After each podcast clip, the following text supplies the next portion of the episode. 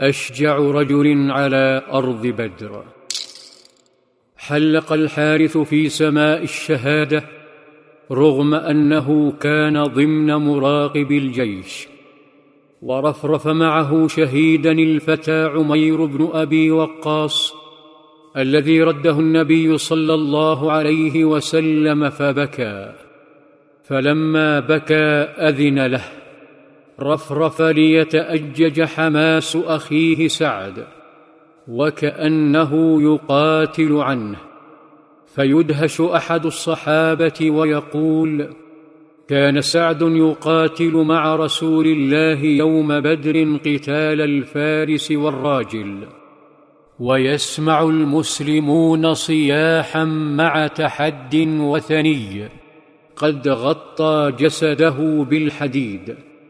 وكأنه من قادة الإغريق أو الرومان لا يظهر منه سوى عينيه.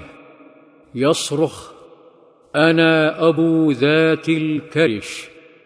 فيتصدى لقلعة الحديد هذه ابن عمة رسول الله الشاب الزبير بن العوام برمحه ويقول لقيت يوم بدر عبيدة بن سعيد بن العاص وهو مدجج لا يرى منه إلا عيناه. فقال أنا أبو ذات الكرش. فحملت عليه بالعنزة فطعنته في عينه فمات. وفي مكان آخر يجتث أبو بكر الطواغيت ويطاردهم عمر ويرعبهم حمزة. ويفتك بهم بلال وعمار وابن عبادة وابن معاذ وغيرهم. كتيبة المهاجرين والأنصار الرائعة هذه تتعرض لهجمة انتحارية يائسة.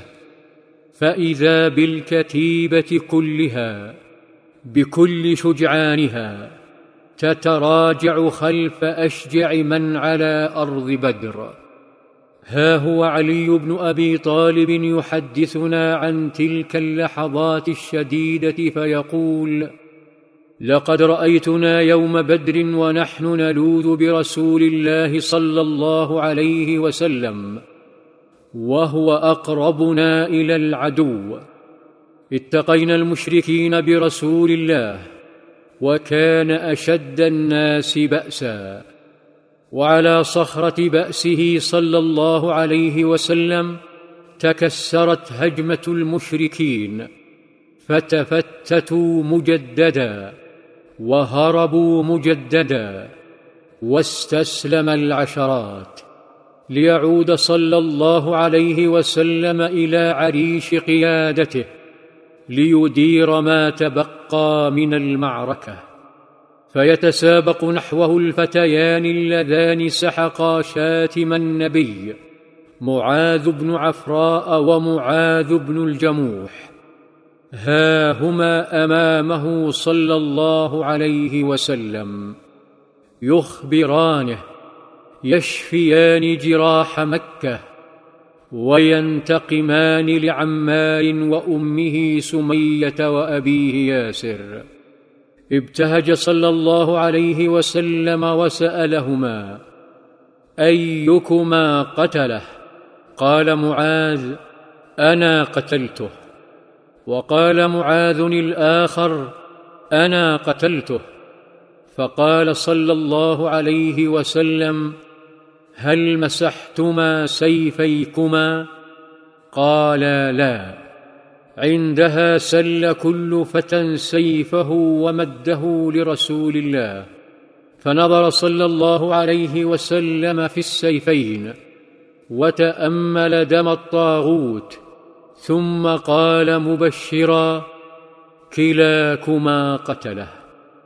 لكن رغم ذلك كان النبي صلى الله عليه وسلم يريد التأكد من نهاية الطاغوت. لذا أمر أن يبحثوا عنه بين القتلى. فقال صلى الله عليه وسلم لأصحابه من يعلم ما فعل أبو جهل من ينظر ما صنع أبو جهل.